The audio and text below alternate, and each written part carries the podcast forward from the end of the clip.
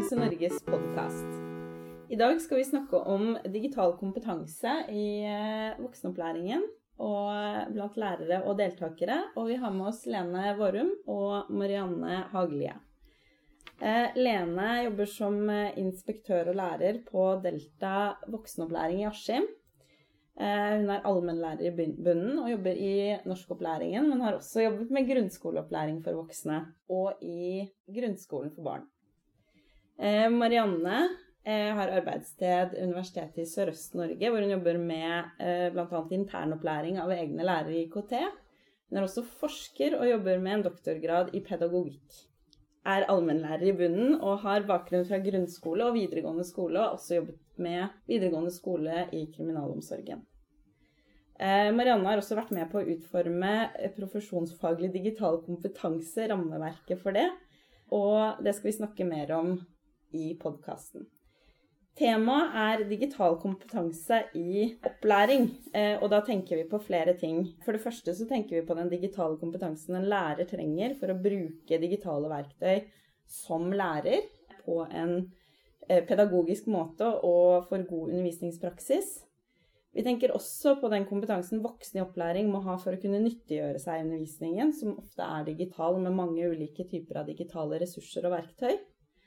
Og så tenker vi på at læreplanverk og læringsmål krever at voksne i opplæring tilegner seg en viss digital kompetanse. Lærerens jobb er altså å sørge for at deltakerne kan bruke teknologi til forskjellige formål, men også bruke teknologien selv for god undervisningspraksis. Lena og Marianne, eh, hva, er, hva tenker dere på med digital kompetanse når vi snakker om voksne i opplæring? Det er jo ikke lett og heller, kanskje ikke hensiktsmessig heller å finne en generell definisjon, men i den sammenhengen. Jeg tenker at eh, for våre voksne deltakere så er det viktig å lære det som man trenger for å kunne overleve i Norge, rett og slett. Mange kommer fra samfunn som ikke er så veldig digitale, og er ikke vant til at eh, alle offentlige tjenester omtrent er digitalisert. Eh, så de må lære det som trengs for å kunne overleve. Og det er jo veldig forskjellig fra deltaker til deltaker hva man sitter med. Mm. Mm. Ja. Uh, og de kommer til verdens mest digitaliserte land. Uh, og det er uh, Uansett hva de skal gjøre, så må de ha en digital identitet. Mm.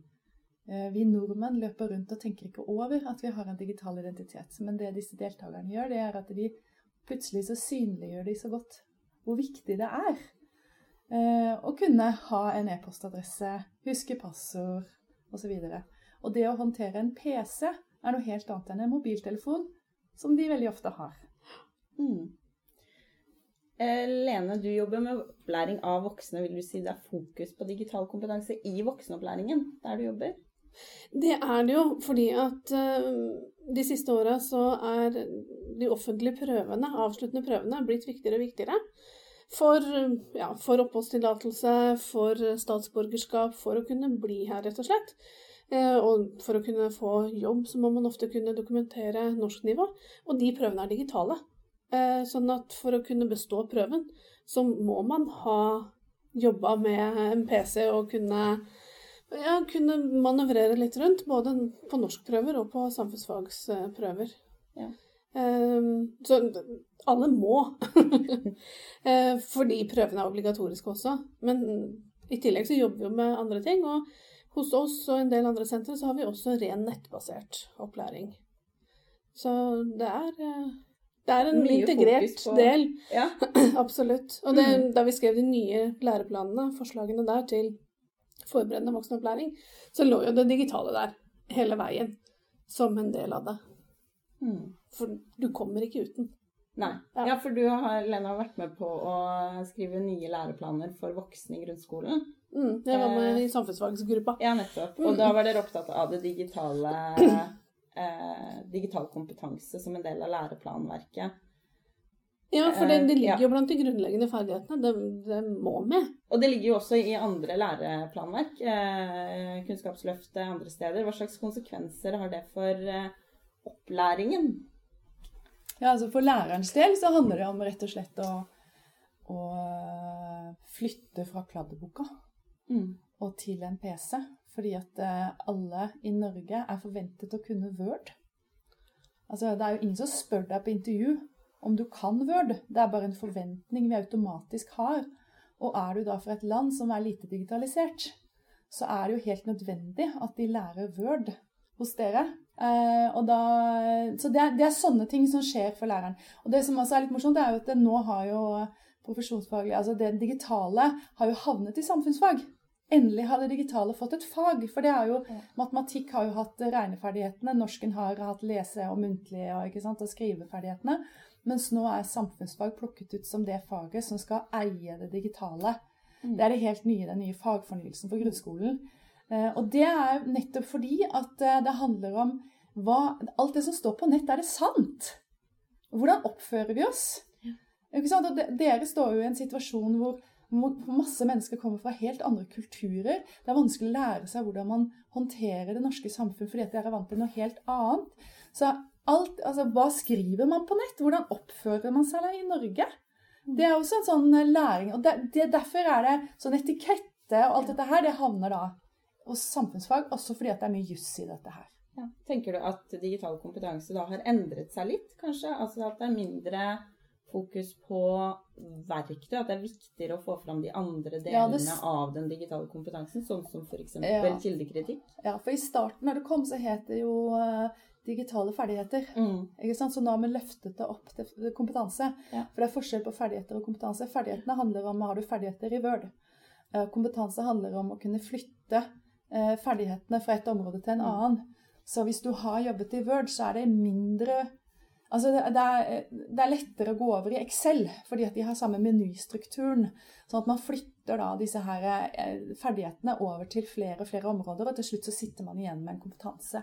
Mm. Og det er man nødt til, fordi at det kommer stadig ny programvare. så desto mer man, Og det er jo samme som det hvis det, de menneskene som er veldig gode i språk. Hvis du kan fire forskjellige språk, så er det lettere å lære seg det femte. Så det er, det er egentlig akkurat det samme. Ja. Mm. Tenker dere at det er forskjell på å, eh, digital kompetanse når man underviser for barn, sammenlignet med når man underviser for voksne? Det ene du har jobbet med begge deler.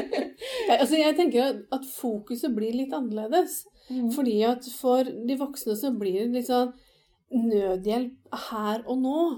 Fordi at mm, vi jobber jo med, som regel med nyankomne, og det er så utrolig mye nytt. Og det er så mye som må på plass, også av det digitale, for å overleve nesten sånn fra dag til dag. Fordi at altså, bestille en legetime, det letteste er å gjøre det på nett. Ok, hva må til for å gjøre det? Du får en kode hit, og du får en kode dit. Og det å skulle forholde seg til alt dette her, det er noe annet for en voksen enn for et barn. Samtidig så, så blir jo mye av det man faktisk gjør i klasserommet, det er jo det samme. Mm. Men opplevelsen av det tror jeg er forskjellig for, for, barn og voksne. Det som er viktig å huske opp i dette her, det er at det, den teknologien som du vokser opp med, den er helt naturlig for deg. Du kjenner ikke noe annet. Desto eldre du blir, desto mer avansert blir den teknologien, og du klarer ikke helt å henge med. Så når du da eh, pleier for moro skyld si at når man bikker 30, så, så er mye av den eh, nye eh, teknologien som kommer, den er veldig ukjent og veldig unaturlig. Mm. Eh, fordi at det, mm, Jeg ser jo bare på voksne som skal gå fra da kassettopptaker til en eh, MP3 til nå i dag å streame. Bare den biten der har jo blitt veldig endra. Så det er kjempeviktig å ha den forståelsen av at barn har en annen tilnærmingsmåte til teknologien. Mer nysgjerrig, kanskje, men også mindre redd. Mm. Voksne mangler en sånn der grunnleggende forståelse av hva, hva det mm. er som skjer. Ting bare virker ikke.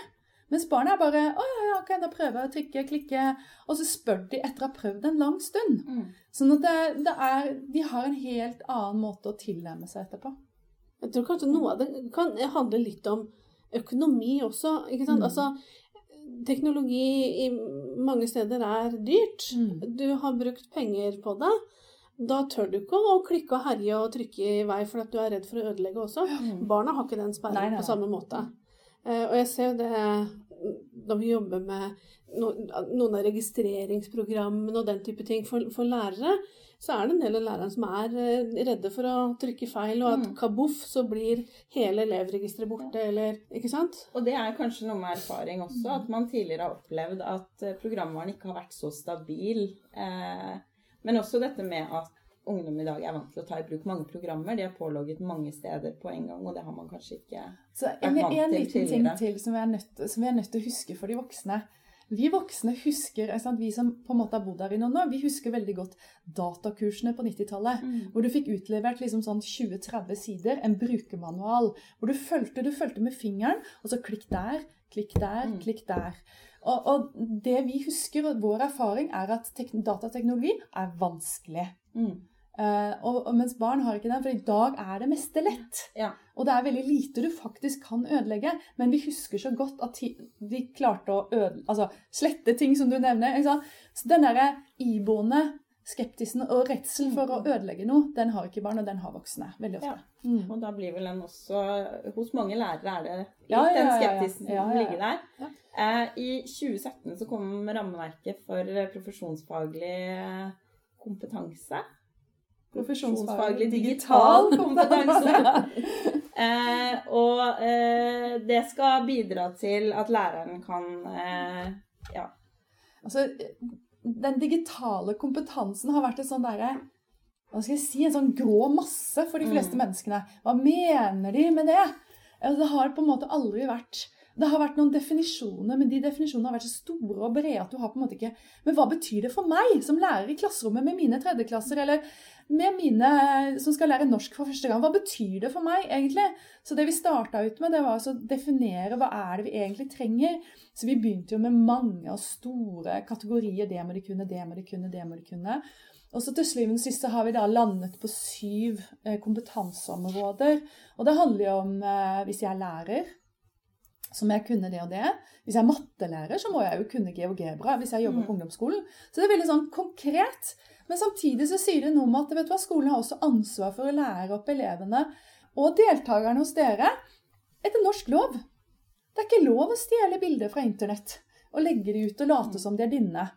Altså, det er en del sånne ting også. Som, så I de syv så, så er det veldig sånn Det er veldig konkret hva det betyr. Så endelig liksom, har folk litt, fått litt mer sånn innhold og substans i begrepet. Ja, så ja. for å gi lærerne litt mer enn det, er lettere å jobbe ut ifra. Som står i læreplanene. Er det koblingen mellom eh, rammeverket for profesjonsfaglig digital kompetanse og læreplanene? Ja, det vil bli en større nå, vil jeg tro. Mm. Eh, fordi at eh, rammeverket er jo kommet i etterkant.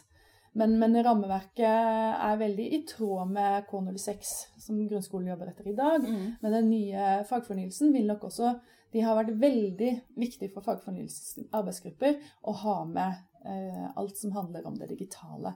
For det går ikke an å leve i dag uten å ha det digitale med seg. Ja.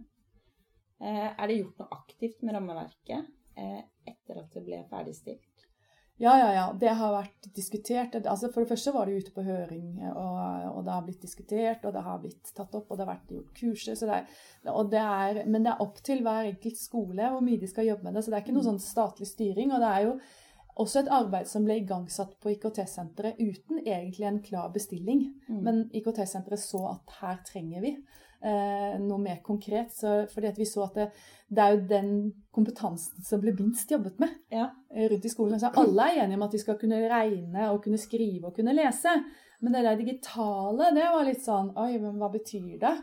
Ja. For, det er noe med, for det tenker jeg er viktig også, å, å lande det ansvaret mm. litt. Og ja, At det nå da skal ligge i, i samfunnsfag, samfunnsfag i mm. fagfornyelsen, det mm.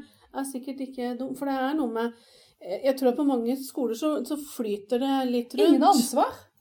Eh, og, og, det er klart det gjøres, det gjøres litt, men det er greit å få det forankra. Ja, ja, ja.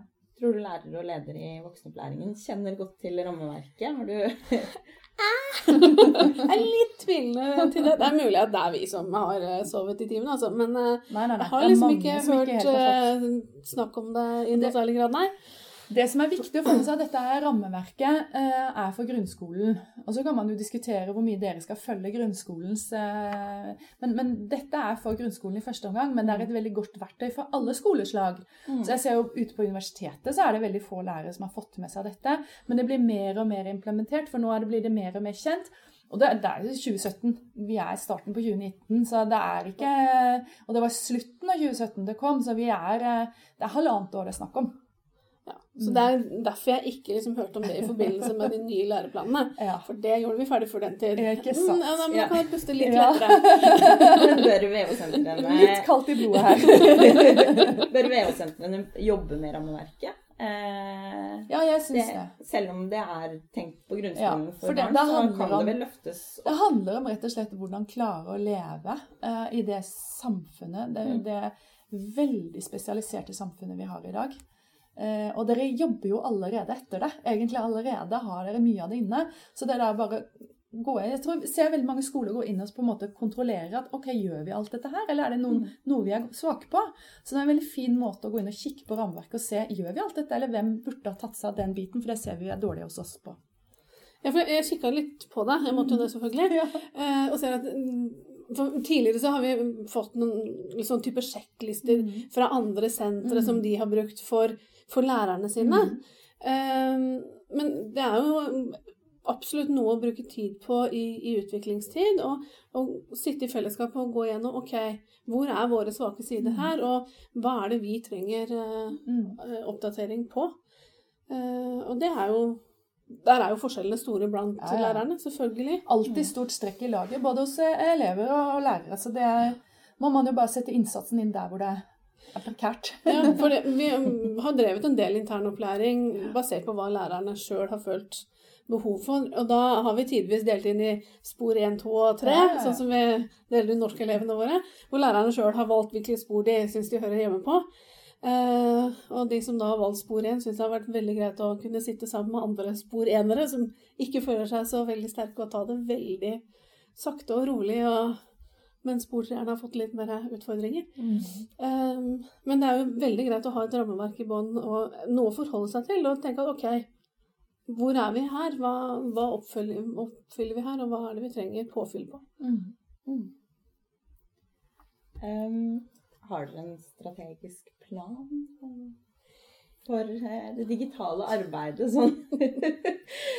strategisk... For lærere, da? Nei, strategisk plan for lærere har vi ikke. Men Nei. vi har hatt, runde, har hatt, et par runder tidligere for en god stund siden med sånn type sjekkliste for mm. å se hvor eh, hvor skorter det. Mm.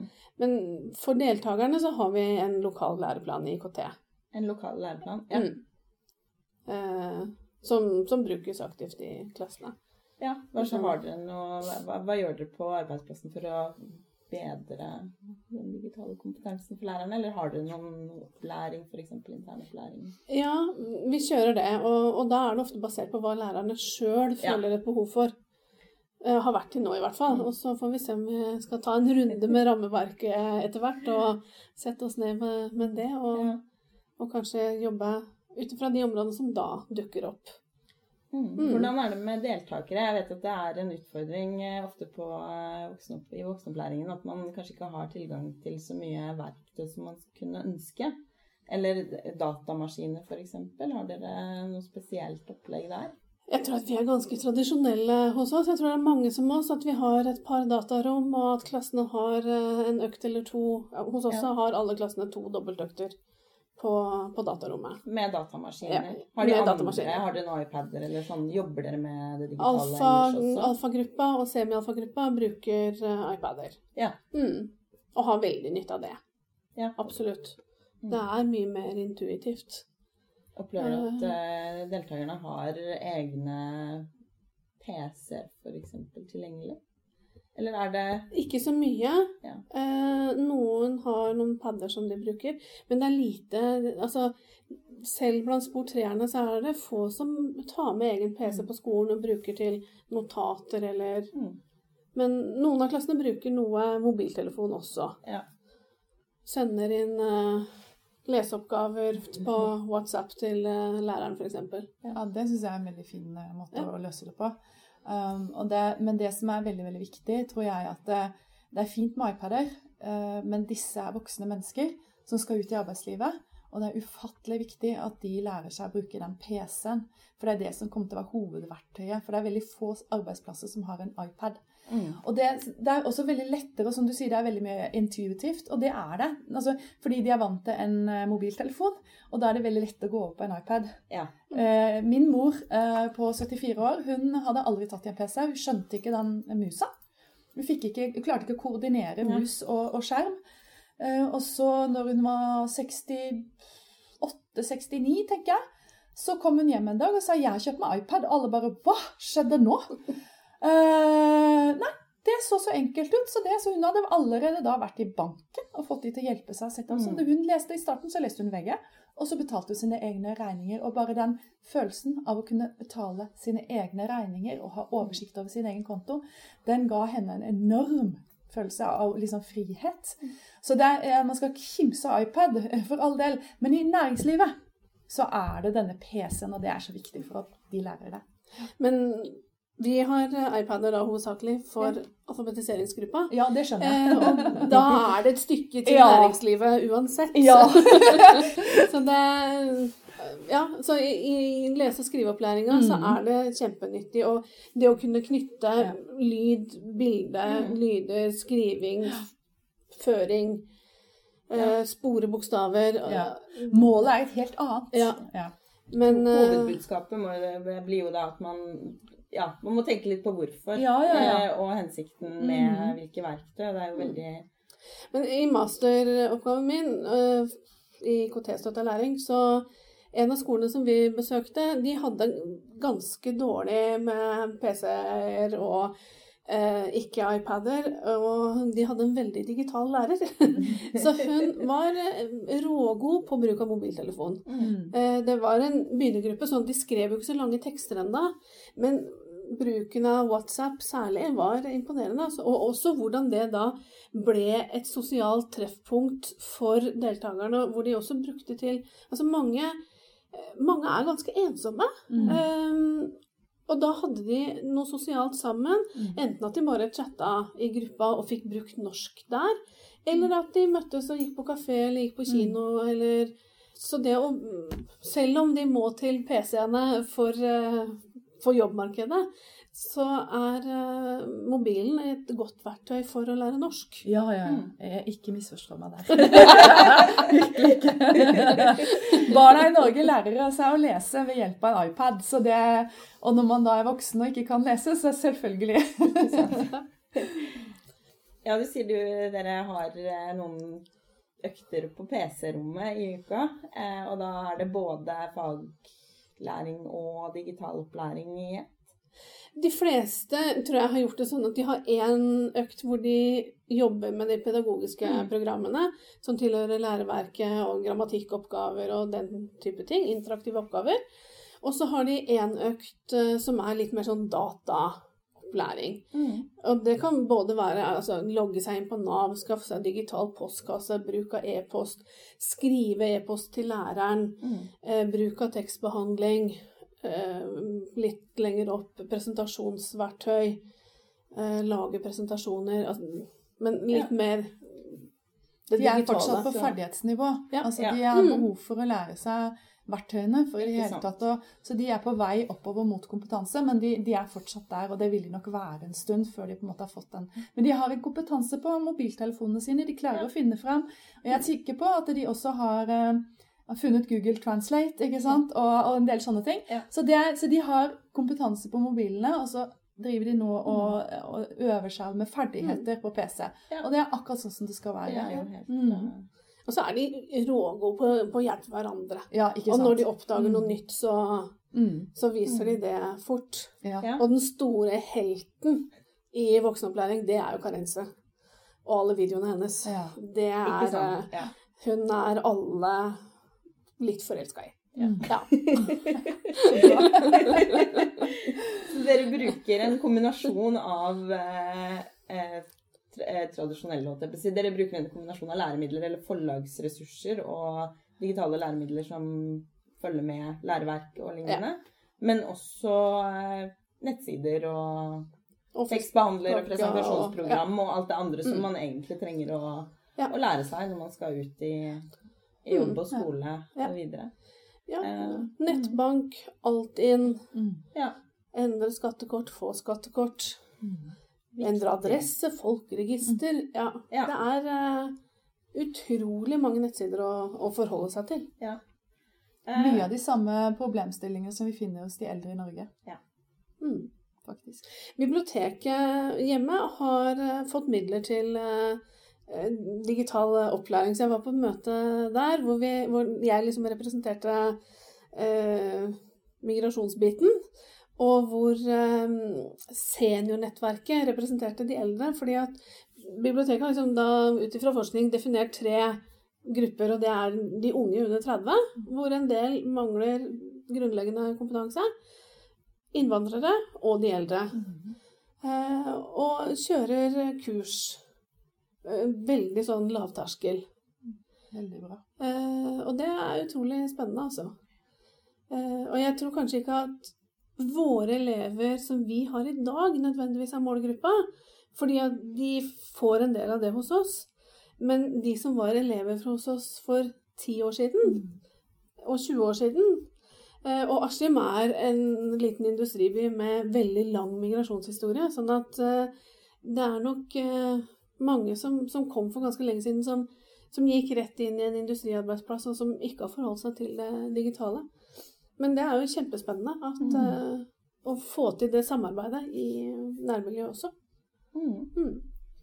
Eh, Har du noen, eh, Marianne, noen gode tips til metoder som man kan ta i bruk? Altså Hvis vi tenker på at det er ulik digital kompetanse hos lærerne, de har lite tid i Mange har begrenset i hvert fall tid Mm. med PC-er Mm. med sine deltakere per uke. Har du noe Altså, lærerne eh, er jo veldig heldige fordi at de har ikke de superflinke dataheltene i klasserommet. mm. Så det, det som er problematisk med mange lærere, det er at de, de, skal, de er så flinke. Mm. De er så superflinke. De skal kunne alt før de går inn i klasserommet. Og det, den verden er vi for lengst forbi. Mm. Jeg kunne ingenting om Photoshop i det øyeblikket jeg gikk inn i klasserommet med mine medie- og kommunikasjonselever. Men jeg sa rett ut at dette skal vi lære sammen. Dere går i første klasse og skal lære det for første gang. Jeg er også en uh, nybegynner. Så Mm. dette lærer vi sammen. Og det blei en fantastisk læringsøkt uh, den høsten. Fordi at uh, elevene syntes det var så stort at jeg faktisk rett og slett sa at dette kan jeg ikke, men dette skal vi lære oss, og Mm. dette har jeg lyst til. Dette gleder jeg meg til. Og, og det handler også om at vi må slutte å tro at vi er så flinke. Og så må vi slutte å være så redd, for det er Mm. alltid en eller annen å spørre. Ikke sant? Så dette, jeg tror at det, det å bare ta i bruk Og i dag er det jo så supermye enklere å lære seg ting enn det var for ti år siden. I dag er skjermbildene er veldig intuitive. Du kan gå på YouTube og se hvordan det f- funker. Altså, du har hjelpemidler alle veier, og du er helt garantert noen i klassen som ikke er redd for å trykke på et eller annet. Sånn er det alltid. Så det aller beste eh, Eller beste ja, Det er rett og slett bare å hoppe i det. Ja. Så rett Enkelt og og slett senke Ja. skuldrene litt og gå inn i klasserommet og skulle Ja. lære noe sammen. Og være ærlig på det. Ja. Altså, vet du hva, Dette her kan jeg bitte litt av, liksom, eller kan det lite. Eller, men sammen så skal vi lære oss dette her. Og det er jeg helt sikker på at vi får til. Men der, for der er, har jo vi en ekstra utfordring hos oss. oss, fordi at veldig mange av våre deltakere kommer fra kulturer hvor læreren er mester og skal kunne. Eh, og bør helst stille i nystrøket skjorte. Min mann er søramerikaner og reagerte litt i begynnelsen på hvorfor, hvorfor ser de så rufsete ut, disse lærerne? Det er vanskelig å ta dem på alvor. eh, og, og han er nok ikke alene om å, om å tenke det. Og, og det er liksom en av kjepphestene mine, særlig når jeg jobber med grunnskolegruppene, når jeg er inne der, det er det å prøve å, å forandre litt synet på, på skole, og at vi skal gå fra reproduksjon og til produksjon. Eh, mange kommer fra systemet hvor det, så lenge du har lært det læreren sier, så får du en god karakter. Hvis du kan gjengi ordrett, det som læreren sier, så går dette veldig fint. Mens hvis du har et kritisk spørsmål, så går det ikke så veldig bra. Eh, og det å komme seg ut av den tankegangen og over til at du må vise at du har forstått, du må produsere kunnskapen din og vise forståelsen, eh, enten i timen eller på prøver eller hva det nå er, det koster altså. Eh, og jeg tenker at men det er så utrolig viktig, fordi at de fleste av deltakerne våre er eller kommer til å bli foreldre i det norske skoleverket. Eh, men da er det ikke like lett å Nei, komme og være den læreren som sier ja, dette kan jeg ikke, men nå skal vi lære det sammen. Så kanskje det skal være sånn Du har lært deg litt, da. Ja, og, så, jeg tror det. og så ligger du bare et hestehode foran. Nei, men jeg ser den problemstillingen. For det, dere har den kulturelle som ikke den norske skole vanligvis har. Ja. på, i samme stor grad. Og det, jeg har ikke noe problem med å forstå det, men samtidig så, så er jo det det norske. Ja, Sånn at det, det er en, man, man må klare å møtes, tenker jeg. Og det, det er nok helt riktig, og det er det du peker på. Så jeg syns det er en god tanke at man prøver å forstå de, og vi skal, altså, men det må forståelse begge veier. Og, da må man, og det bygges kun på tillit. Mm. Ikke sant? Sånn at man må hele tiden akkurat det er jo en annen ting. ikke sant? De fleste kommer ikke fra tillitssamfunn. Nei. Sånn at det er også noe som vi jobber mye med, og som jeg snakker mye med, med klassen om. Eh, jeg er heldig å ha bodd utenfor Norge en del år sjøl, sånn at jeg har opplevd litt av det, de samfunnene med, med lite tillit, og har kjent det. Sånn, jeg forstår det på en annen måte, kanskje.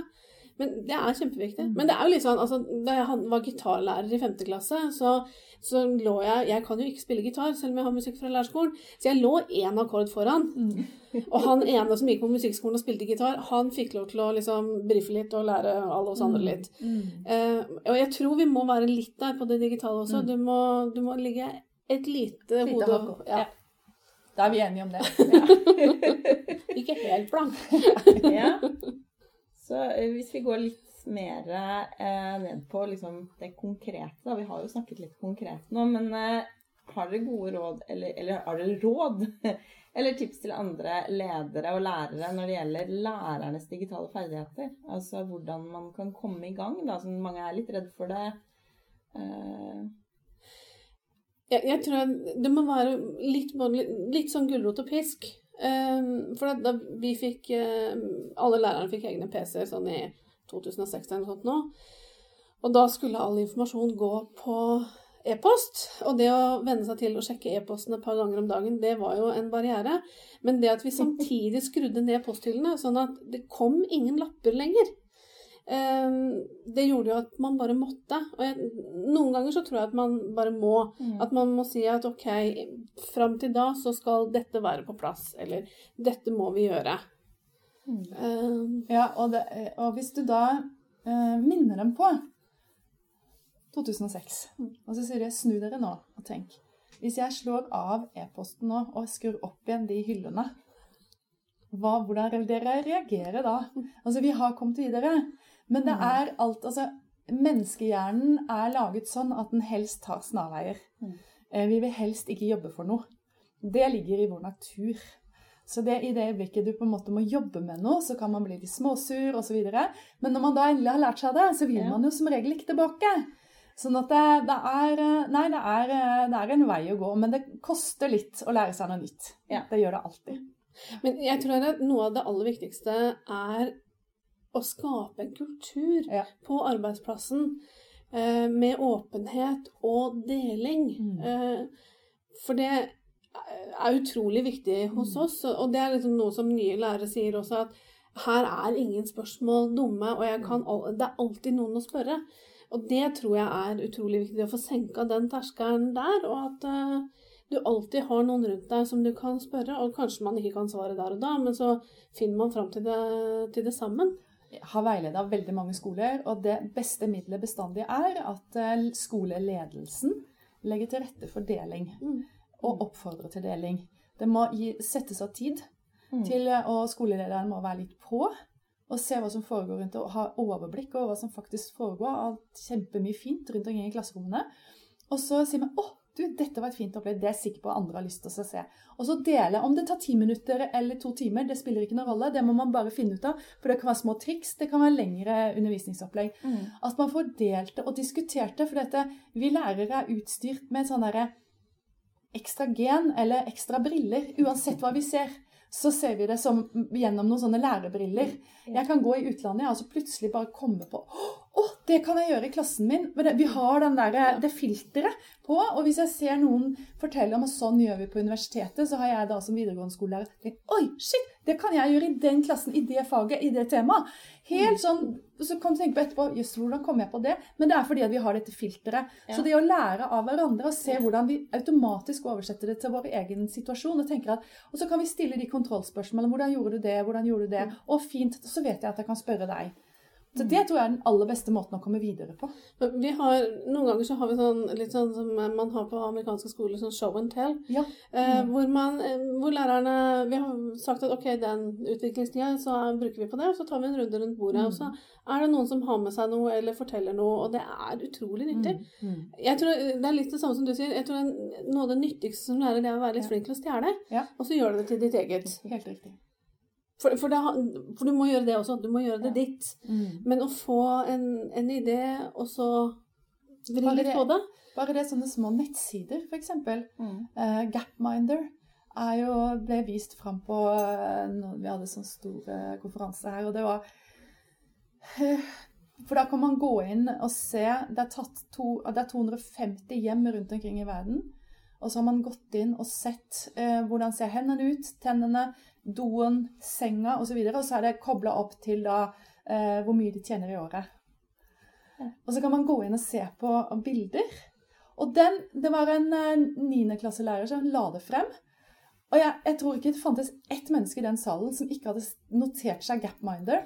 Eh, og det var lærere fra universitetet helt ned i barnehagen. Samtlige tente 110% på den. Det var et verktøy som alle kunne bruke, som de så automatisk kunne bruke i forskjellige sammenhenger. Det med kulturforskjeller, eh, hvor rike er vi egentlig i Norge? ikke sant? Og det, der, og det, det er så synlig. Mm. Så det, det, når man har en sånn Og det, det kunne vært presentert på fem minutter, men det kunne også vært presentert på to timer, ikke sant? fordi at det er så mye der. Ja. Så jeg tror Og nå det, sitter jeg da liksom Jeg underviser nå i Mm. norsk kultur og norske verdier for asylanter. Og så den tyrkiske gruppa mi, ja, dette, den, Ja. dette må jeg nå sjekke ut. Ja. Gapminder, Dollar Street Ja, nei, for Hvis man ser på den digitale kompetansen som vi skisserte helt i Mm. begynnelsen her, at, at man skal både være, ha god undervisningspraksis med digitale ferdigheter, og man skal lære bort digitale ferdigheter, og det er en del av læreplanverket, Mm. så kan det sikkert virke, eller ofte kan det virke veldig overveldende med alle disse tingene skal være i hodet på en gang. Mm.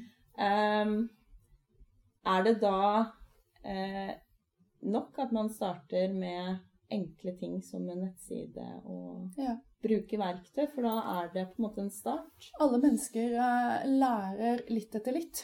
Vi bygger oppover. Jeg pleier å kalle det en sånn læringsstige. Eh, Du kan løpe i læringsstigen, læringsstige, men du kan ikke hoppe. Du kan ikke hoppe over trinn. Da får du hull i kunnskapen din. Du kan krabbe i stigen, det er helt greit, og du kan løpe, og du kan gå. Men hvert enkelt trinn må du gjennom hvis du skal få en full Mm. kompetanse. Og, og det er kjempeviktig, og hver reise begynner med et lite skritt. Og det, jeg, kan ikke få sagt det nok enn at man må ta utgangspunkt i hvert enkelt menneske, og se hvor det mennesket er, og så begynner vi der. Og Men det må litt pisk til. Litt pisk. Og støtte. Og støtte, ikke Og forankring. minst! Ja. Altså, det, det er støtte Altså, støtte er altså alt Ja. på en gang. Mange lærere opplever jo i voksenopplæringen nå at man bytter læringsplattform, f.eks. Mm. Og det er jo smertefullt. Ja. Og så er man ofte veldig fornøyd etter et par måneder. Mm. Eh, Men der er det jo viktig å få den støtten og, og Og jeg tror at vi må huske én ting, og det er at eh, lærere har veldig ofte lite tid. Og når man da bytter en læringsplattform, så blir de grinte fordi at de ser at oi, shit, skal jeg klare det også? Midt oppi alt dette andre. Mm. Sånn at det, det er viktig å ikke bare tenke på de som grinte, men det er det at nå fikk de noe i tillegg som de må gjøre Ja. i en allerede full hverdag. Ja. Og der, det er der igjen sier at skoleledere er kjempeviktige. Ja. Hvordan tilrettelegge, og hvordan løse dette på en god måte. Det må tenkes igjennom. Det må planlegges. Du kan ikke bare hive inn masse digitalt utstyr, sånn som vi har gjort i mange år, og tro at lærerne plutselig skjønner hvordan de skal bruke det. liksom sånn, Våkner en dag som sånn fugl føniks og er liksom bare superflink i data, liksom. Det, det er ikke sånn det funker. Det er jo også noen som håper at det nye systemet skal løse alle problemene. Ja, fordi ja, det er brukervennlig, eller fordi det er noe annet. Men det skal fortsatt passe inn i undervisningen. For det er jo altså, det er frustrasjon til alle lærere Mm. overalt. Altså, det vi vil, det er jo Det vi ønsker å gjøre, er jo formidling. Mm. Vi ønsker å være i klasserommet med elevene, eller på nett med elevene. Mm. Men alt det der andre praktiske, det skal spise minst mulig tid. Mm -hmm. Men derfor også så tenker jeg at det er viktig det at eh, hos oss legger vi vekt på at det skal være minst tre lærere, gjerne fire lærere, på hver gruppe. Mm. Fordi at vi er forskjellige, vi gjør ting på forskjellig måte, og også det, det, digi- den digitale inputen blir forskjellig fra de forskjellige lærerne. Altså, og må du må huske på at når du øver ferdigheter i data, da, Mm. så øver du jo også inn en kultur. Ja. Altså du lærer kultur ved å egentlig gjøre de For det, det, nå er de kommet til en digital kultur i Norge som er smekkfull av alle mulige datating. Og det må de også lære, og da lærer de også litt om det å være nordmann og bo i Norge. Så det, det, er, det er ikke sånn at man en, nå jobber man bare med data. Nei, med å jobbe med data så får du alt dette andre i tillegg. Det må jo ligge Ja, ja, ja. integrert hele veien. Ingenting er isolert. Ja, nei, så det eh, Hvordan tenker dere framtiden ser ut? Hva man må være obs på? Dette er jo ikke et, et stort spørsmål som stilles ofte. Men hvis man tenker på det digitale klasserommet for Ja. voksne, da, hvordan, hvordan ser det ut i framtiden? Og hva må man være spesielt oppmerksom på?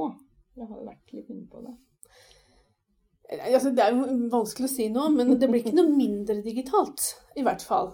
Og hva som skjer med eh, ulike typer verktøy, plattformer, dingser, dupper, det er jo ikke lett eh, å si. Men at altså, i voksenopplæringa nå så er det jo veldig fokus på, på arbeidsretting, arbeidsretting, arbeidsretting. Eh, og det er kjempeviktig, det, men du, du er nødt til å ha en del andre grunnleggende ting på plass før du kan fungere i en jobb. Mm. Og noe av det som må på plass, er jo en del av det digitale. Mm. En sånn grunnleggende basis.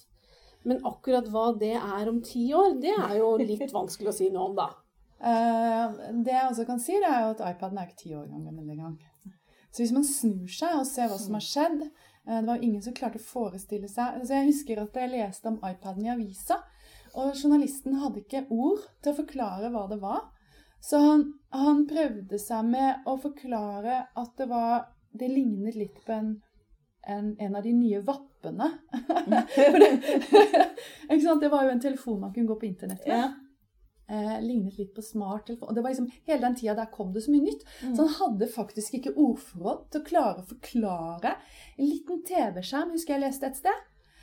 Eh, og så kan man jo flire i dag over dette. Og, og det siste året så har vi jo hørt om disse forskjellige dippeduttene som vi skal eh, ha plassere rundt i hjemmet. Mm. Så eh, open door.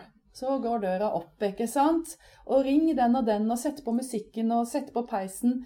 Og så kan man jo flire, liksom. Men det er det som kommer. Og det Mm. kommer nå så fort at jeg tror ikke vi egentlig er i stand til å forstå hvor fort det faktisk skjer. Det er ikke mer enn bare noen få år siden jeg så en TV-serie, eller nei, TV, altså en dokumentarserie om disse som laget roboter.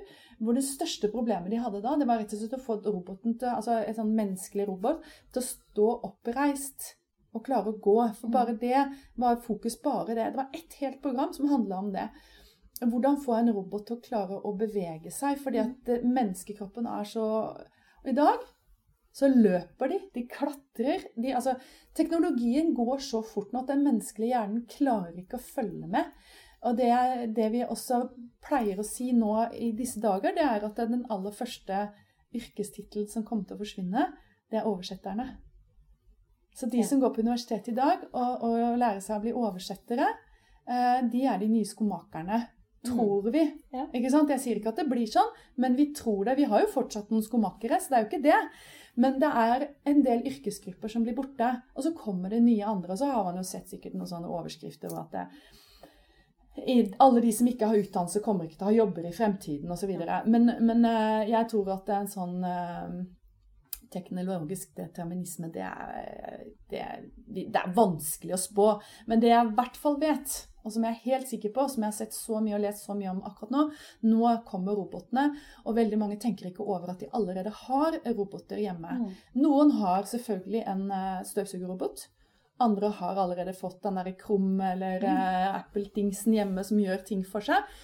Men det, det ingen tenker på, det er at de går jo rundt med en robot i lomma allerede. Ja. Siri er jo med veldig, veldig mange eh, i iPhonen. Så det vi har, og veldig mange av eh, kjøleskapene våre osv., er allerede roboter. Men vi ser for oss en robot som Ja. en sånn figur av noe slag. Og masse barneleker er jo allerede roboter.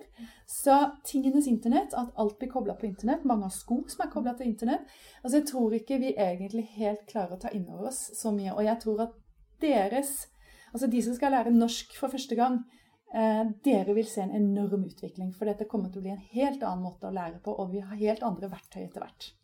Ja, det, men samtidig så, så tror jeg at en annen viktig oppgave i voksenopplæringa blir å forhindre utenforskap og Ja, forhindre klasseskiller. Mm. Ja, for jeg tenker at i, i denne digitale verden Mm. hvor man har en Google Home og en mobil i lomma, Mm. og, og alt egentlig er roboter, så, og hvor, hvor det er ikke, man ikke lenger blir spurt om man kan bruke en datamaskin når man er på jobbintervju, eh, så blir det kanskje viktig å holde litt igjen i eh, spesielt voksenopplæringen og sørge for at deltakere har den grunnleggende verktøykompetansen Og fortsatt. at de får tid til det. Ja. Det er kjempeviktig. De får tid til å jobbe med det.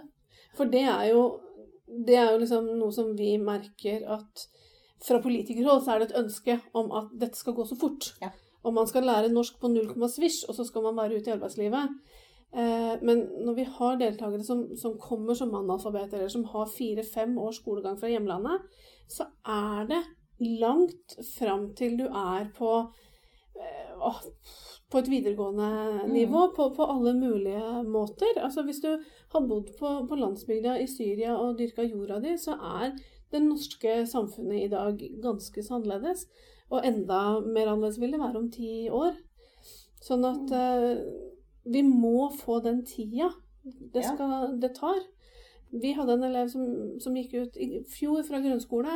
Øh, gjorde det bra. I hvert fall sånn relativt. Men har da brukt sju år fra hun begynte hos oss første gang. Og noen ganger så tar det faktisk så lang tid. Mm. Eh, og, det, og vi ønsker å kunne gi, ikke sant. Der har vi nå en flott dame som har begynt på videregående, som kommer til å være mye bedre rusta som mor for sønnen sin. Eh, kommer til å kunne gå ut og bli en god helsearbeider. Ok, så har vi investert en eh, stund i det, men i det lange løp så har vi igjen for det.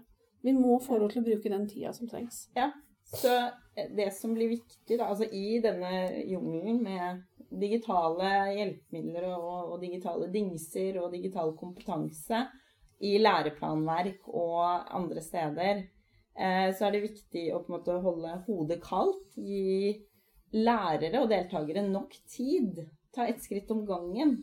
Eh, og så kanskje bruke de hjelpemidlene som finnes litt, altså sånn som dette rammeverket for profesjonsfaglig digital kompetanse. Kanskje flere skulle ta det inn. Bruke det som utgangspunkt når man snakker med lærere om eh, hva vi skal gjøre med kursing, opplæring, eh, deling osv. Eh, men at det er viktig å holde litt igjen og være opptatt av både den verktøykompetansen som man trenger fordi man er i en ny kultur, Eh, men også den litt større kompetansen som handler om overføring, og også om å være kildekritisk, om å vite Overføre kompetanse, vite hvor man finner ting osv. Det er eh, mange ting å tenke på. Mm.